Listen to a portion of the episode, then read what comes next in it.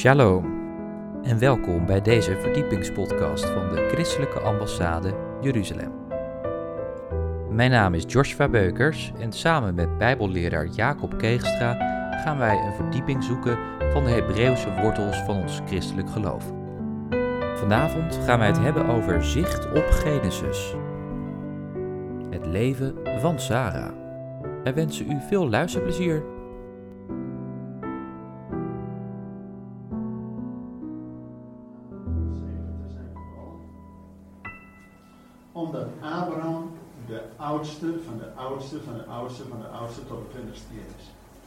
God heeft iets met die oudste. Maar die oudste kreeg een dubbeldeel om te zegen te zijn voor zijn broeders. Daarom wil God ook dat Abraham als oudste van de gelovigen, vader der gelovigen, het centrum der aarde is om tot zegen te zijn voor allen. Maar goed, dat was vorige week. Nu het gedeelte over het leven van Sarah.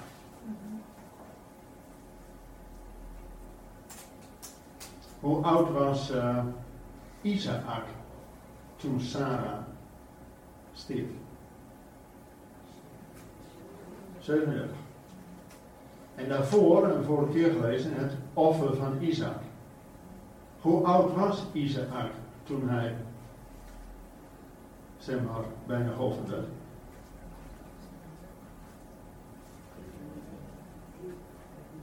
Jonger dan 37. Je kunt niet helemaal traceren, maar ongeveer 33. Wie was ook 33 toen hij wel geofferd werd? Weet u, in de wielersport, een vrij fanatieke sport, hè? In de wielersport zegt men, iemand is het sterkste fysiek als hij 33 is. Weet je wat dat betekent? Dat Yeshua in de kracht van zijn leven vrijwillig het offer aangeeft. Voor u en voor mij. Dat is toch ongelooflijk? Dus er was niet een van de ziek, zwak, misselijk, weet ik wat. Nee, in de kracht van zijn leven vrijwillig. Dat is het offer. Vorige keer al gehad.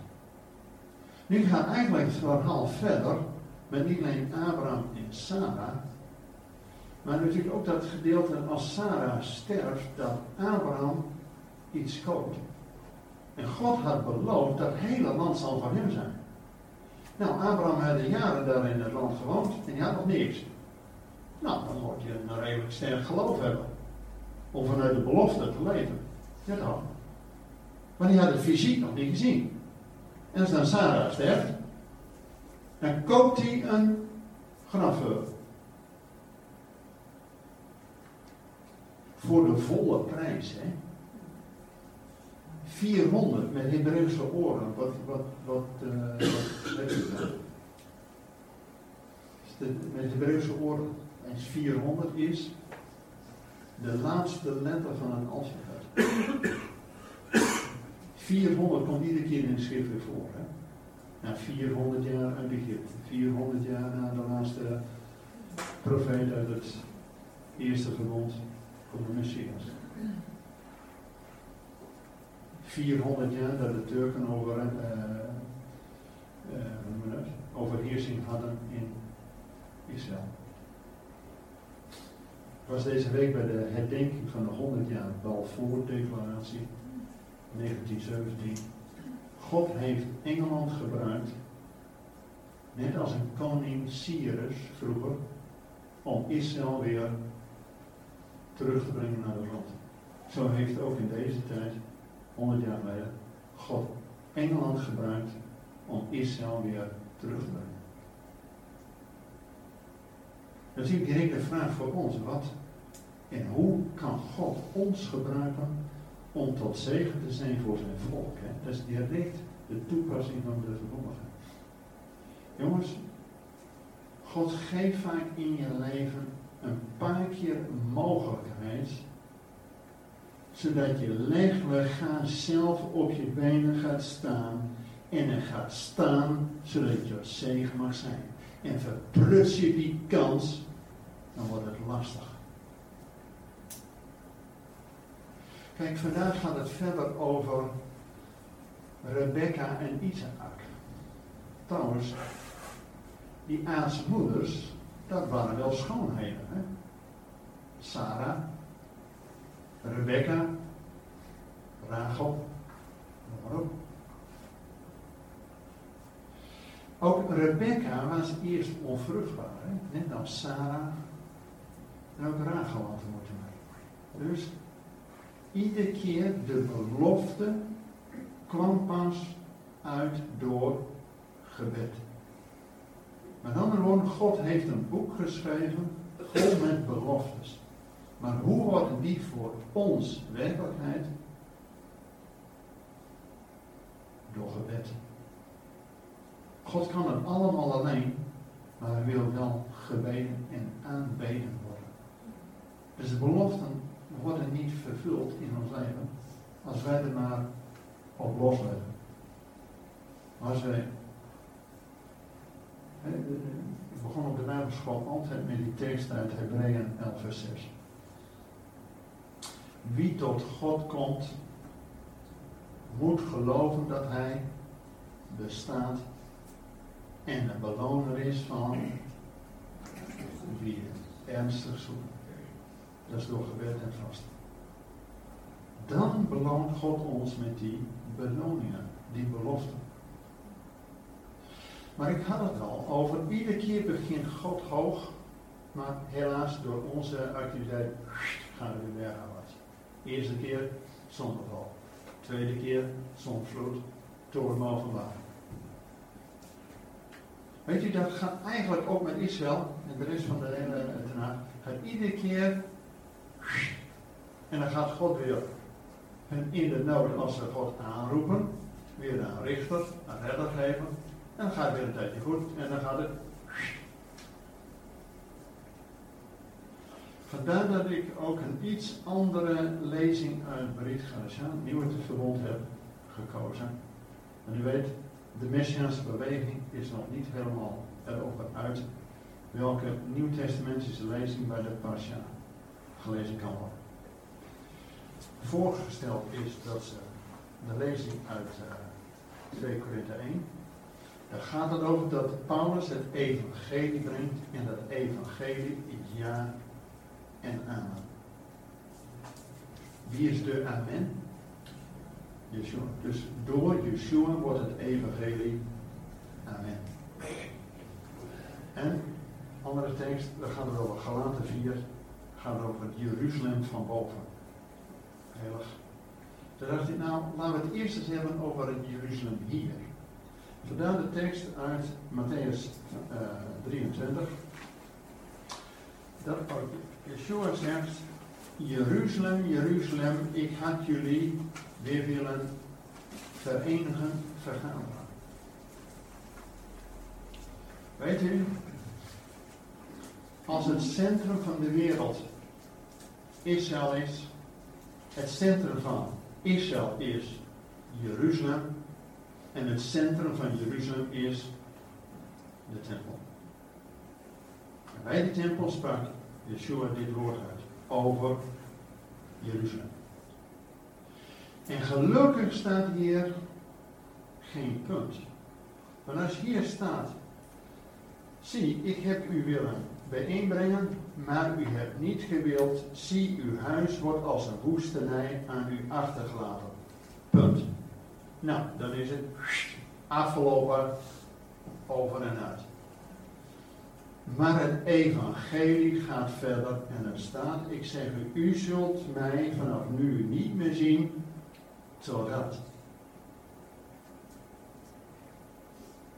En wat staat hier nou? Totdat wij allemaal zeggen, gezegend die komt.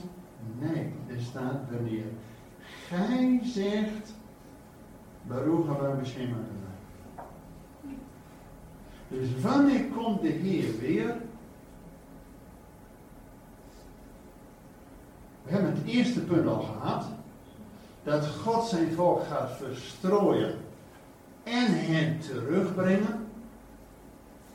En het tweede punt hier heel duidelijk. Yeshua kan pas terugkomen. U weet, de andere tekst is, het evangelie moet de wereld rond. Amen. Dat is bijna zover.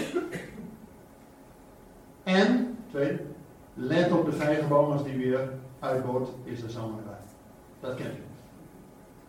God heeft zijn volk al teruggebracht. En zal er nog meer terugbrengen. Maar wanneer kan Yeshua nou terugkomen? Pas wanneer Jeruzalem zegt, gezegendheid die komt. Als het dit jaar 50 jaar Jeruzalem vereniging is, is weer een mijlpaal in die richting. Want de profetenlezing ging over één koning en één. Dat Adonia wilde koning zijn. Nou, over Adonia weten we vaak niet zoveel.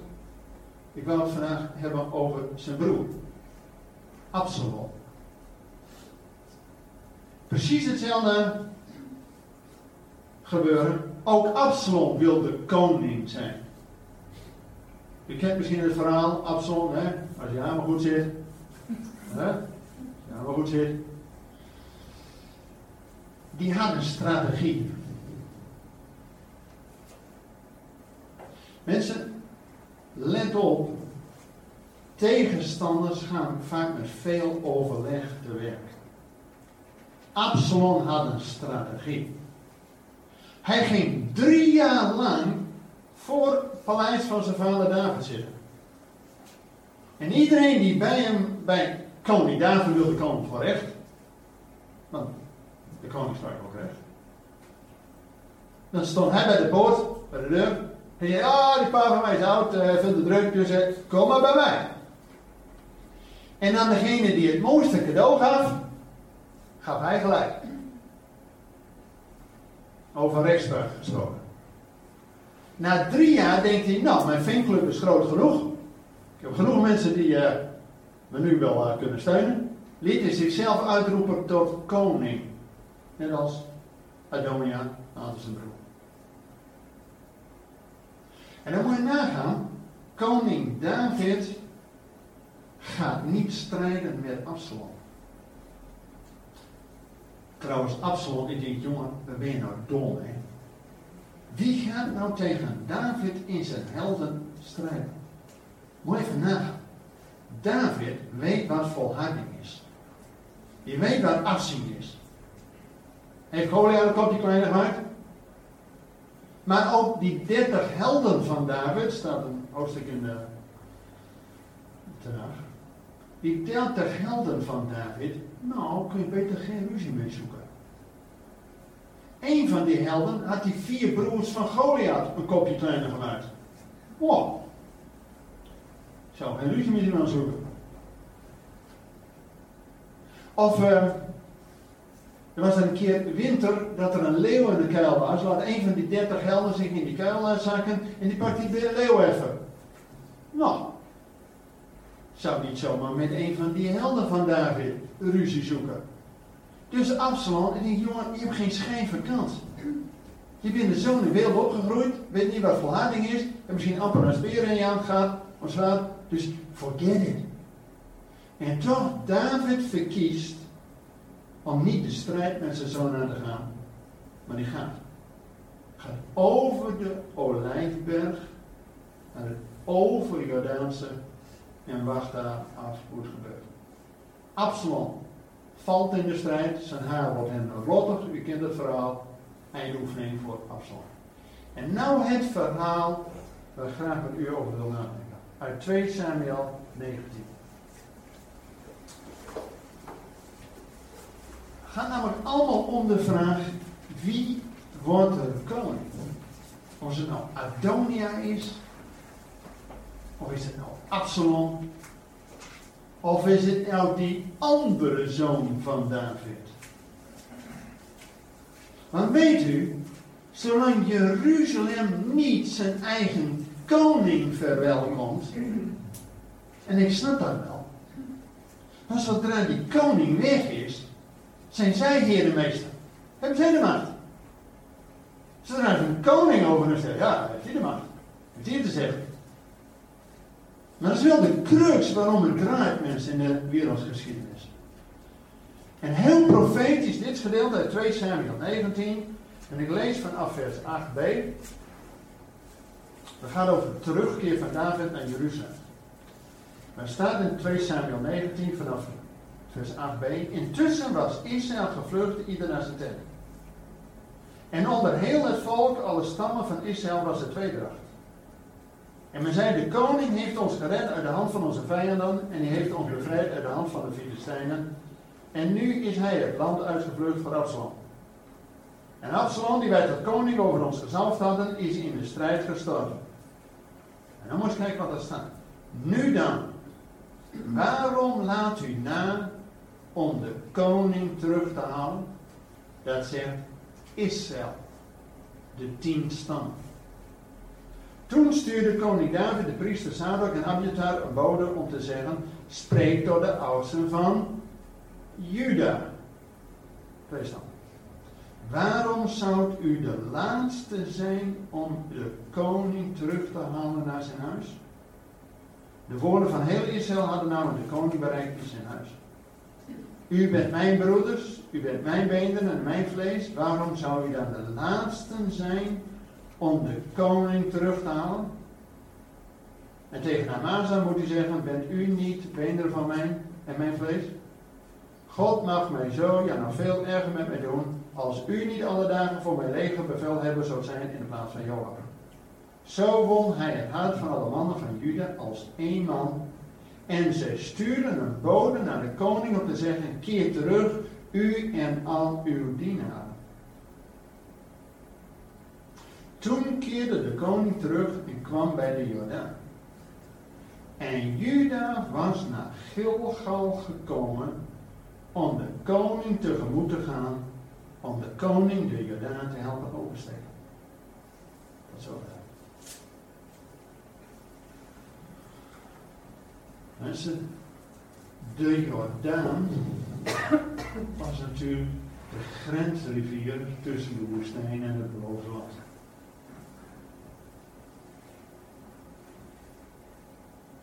En toen Israël het beloofde land in ging onder aanvoering van die nieuwe leider, die Yeshua, Joshua, dat was precies ten tijde van Pesach. Op de tiende van de eerste maand staken ze de Jordaan over. Toen was drie dagen besnijdenis. Van mensen die geboren waren in de woestijn, maar niet besneden. En op de veertiende van de Nissan, van die eerste maand, was er Sedenoster. Ziet u dezelfde patroon bij de, zeg maar, die eerste Yeshua, die nieuwe leider die het volk het beloofde land inbracht. En die andere Yeshua. God doet alles precies in zijn structuur, compositie. Trouwens, op die dag van de opstanding, de dag feest der eerstelingen, de 17e Nissan, was dezelfde dag als Noach met de zijnen op de Ararak stond. Dat je weer grond onder de voeten krijgt. Dat weer op de rots gefundeerd. Precies op dezelfde datum als eeuwen later Yeshua onze rots en heilig. Oké. Okay. En de zijnen gingen bij Gilgal de Jordaan. Gilgal, dat is dezelfde naam in het Hebreeuws. Dat heet Golgol. En dat is dus eigenlijk een verdubbeling. Gol, gol, gol. Iedere keer als het in het Hebreeuws een intensivering is, een verdubbeling, gol, gol, gol, dan wil God daar iets mee zeggen. Wij kennen dat in de schrift als Yeshua zegt, waarlijk, waarlijk. Of amen, amen. Dan wil God daar de nadruk op leggen. Dan is het dus een cruciaal punt. Golgol is in onze vertaling verbasterd tot Golgotha. Hé, hey, nu de link. Die koning David wordt weer door heel Juda, Joden, Juda, welkom geheten bij Gilgal. Bij Golgotha. Wanneer kan Yeshua pas weer komen? Niet alleen wanneer wij als gelovigen zeggen, Maranatha, hier komt spoedig. Dat is één, moeten we vooral doen. En niet alleen wanneer Israël terug is in het land. Dat is ook een voorbeeld. Maar pas wanneer Jeruzalem zegt, gezegend hij die komt. En Jeruzalem, het centrum van Jeruzalem is de Tempelberg. En het centrum van de Tempelberg is de tempel. En het centrum van de tempel is het Allerheiligste. Waar de ark van het verbond in het verzoendeksel is. Wanneer er verzoening wordt gedaan. En weet u, net ten noorden van die tempelberg lag Bethesda. En ten zuiden van die berg lag Siloam. Wat was Siloam? Weet u, toen David eerst koning was te Hebron over zijn stam Juda. En op een gegeven moment Saul en de zijnen er niet meer zijn, komen ook de tien stammen bij David en zeggen: Wees koning over ons. En dan doet David een meesterzet. Hij zegt niet tegen het grotere tienstammenrijk: Nou, kom er maar bij. Want dan zouden die mensen zich toch altijd, ja, tweede rang voelen. Maar David deed iets strategisch, ging precies een stad wat op een grens lag tussen Juda, ten zuiden van Jeruzalem, en Benjamin, ten noorden van Jeruzalem, ging hij Jebus innemen. De inwoners van Jebus zeiden, David, je komt hier nooit in, joh. Lammen en blinden zullen u tegenhouden. Maar David gaat met Joab door die waterpoort, bron van Gion, omhoog. Zo heeft hij Jebus ingenomen en later Jeruzalem gemaakt. Maar in de tijd van David mochten lammen en blinden de stad niet in. Weet u wat Yeshua gedaan heeft? Die heeft aan de noordkant van de Tempelberg, bij het badwater van, van Bethesda, een verlande genezen. En die was 38 jaar verlamd. 38 met Hebreeuwse oren, waar denk je dan aan? Help mij even. U weet, Israël was 40 jaar onderweg vanuit de duisternis van Egypte naar het beloofde land. Precies één jaar na de uittocht hadden ze de oprichting van de tabernakel. Precies twee jaar daarna stonden ze aan de grens van het land, Kades Barnea. Hadden ze die twaalf verspieders. Tien zeiden, dat moet je niet doen joh. En twee zeiden, nou, maakt me niet uit, de Heer zal volle roos uittrekken. Maar het gevolg was wel dat ze 38 jaar weer terug moesten. Als verlamd. Zo heeft Yeshua die verlamde, die 38 jaar daar ziek was, opgericht om weer de tempel in te kunnen. Ja, want uh, dat hij genezen was was één, maar ik kon dus weer de tempel in. En het andere, dat Yeshua, die blind geborene, dat was tussen het Loofhuttenfeest en het Genoekafeest in, dus uh, nu.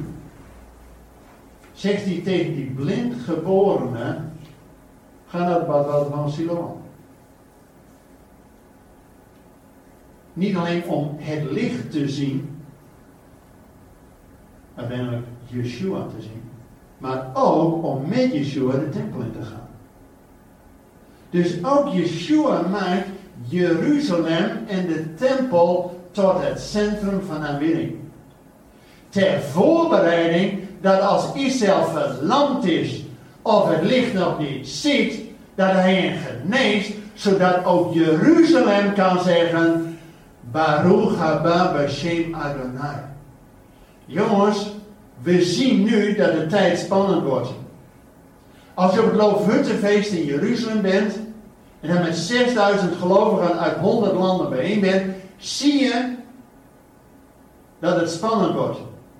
20 jaar geleden was de meerderheid kwam uit Europa en Noord-Amerika. Door de crisis is dat wat minder. De laatste 10 jaar kwam de meerderheid uit Zuid-Amerika. Weet u waar nu de meerderheid vandaan komt van al die 6000 gelovigen? Uit China. Hallo, China. Tien jaar geleden mochten nog geen Chinezen land uit. En nu, ze zijn fanatiek. Maar ze willen maar één ding.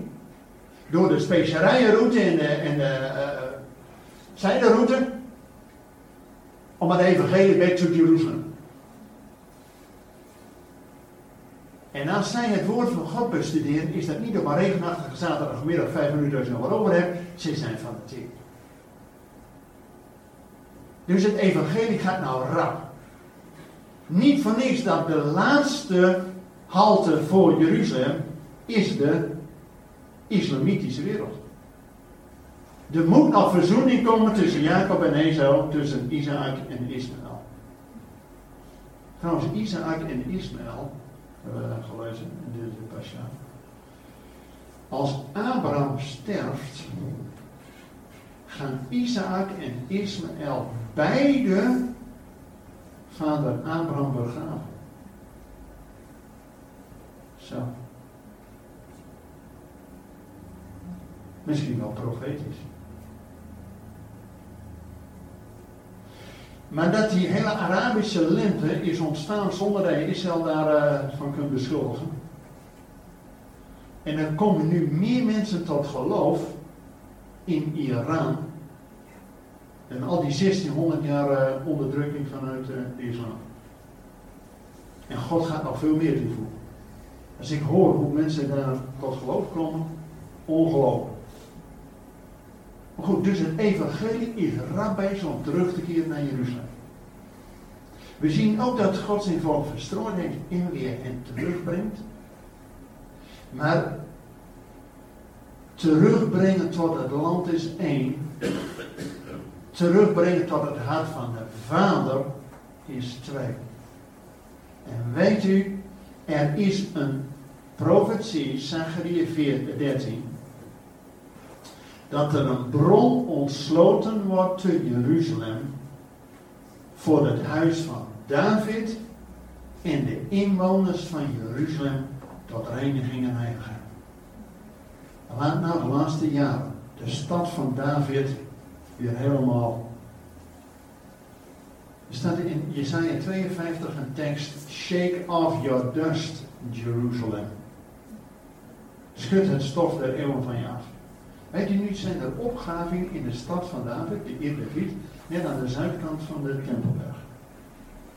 En de archeologen hebben tien lagen gevonden van hun historie. Twee waar as in zit. De eerste natuurlijk bovenste van het jaar 70 met de Romeinen. En die uh, er verder aan van uh, 586 voor Christus met Nebuchadnezzar. Hoe een archeoloog dat kan zien. Ik heb drie keer een excursie gehad, ik zie het nog niet, maar. ja, bij mij steen is steen is steen, ja. Oké, okay. ik vind het knap dat je dat kunt traceren. Dus je ziet dat God Jeruzalem, weet je, de muren van Jeruzalem, is dus niet wat wij tegenwoordig zien. Maar de muren van Jeruzalem waar Jezaja op profiteerde, was van de stad van David. Die wordt nu weer het stof eraf. En waar gaat het om? Want die troon van David in de hut van David wordt hersteld aan ons 9. Maar het gaat erom dat Israël ook, vooral het huis van David en de inwoners van Jeruzalem gereinigd worden. Want dan pas kunnen ze bij Golgotha hun koning welkom heten. Mensen, wij kunnen ook pas het koninkrijk van God binnen via Golgotha, via Golgol. Dan pas kan ook die koning welkom zijn in je hart. En Yeshua zegt heel duidelijk vandaag, pas wanneer Jeruzalem zegt, gezegend hij die komt, dan moeten ze zich reinigen en heiligen bij het badwater en het kruis van Golgol. Dan pas kun je je koning welkom heten. Maar het staat er aan te gebeuren. En wat is onze taak? U kent vast die profetie, uh, Ezekiel 36, dan de door de doodsweg. Ken die vast. Dat die botten weer aan elkaar komen en veel erover, maar geest was in hen er Ezekiel 36. En wat moet Ezekiel dan doen? Die moet een tweede keer profiteren dat de geest die tot de vier windsteken is uitgestort, dat hij ook over hen komt. En dan wordt het een machtig leger van Joden, Juda, Godlovers. Die samen met die andere Judeërs de koning welkom heeft. Mensen, het, God is de schepper van hemel en aarde. Centrum van de aarde is Israël. Centrum van Israël is Jeruzalem. Centrum van Jeruzalem is de tempel. Je komt pas door het volbrachte werk van Yeshua in het heiligdom. Bedankt voor het luisteren naar deze verdiepingspodcast van de ICEJ. Waardeert u onze podcast? Steun ons dan met een donatie of ga naar onze website icej.nl. Volgende week gaan wij verder met de Bijbelserie Zicht op Romeinen. We gaan het dan hebben over dat wij geënt zijn op de edele olijf. Machtig interessant en ik hoop dat u wederom naar ons gaat luisteren. Bedankt voor het luisteren en tot volgende week.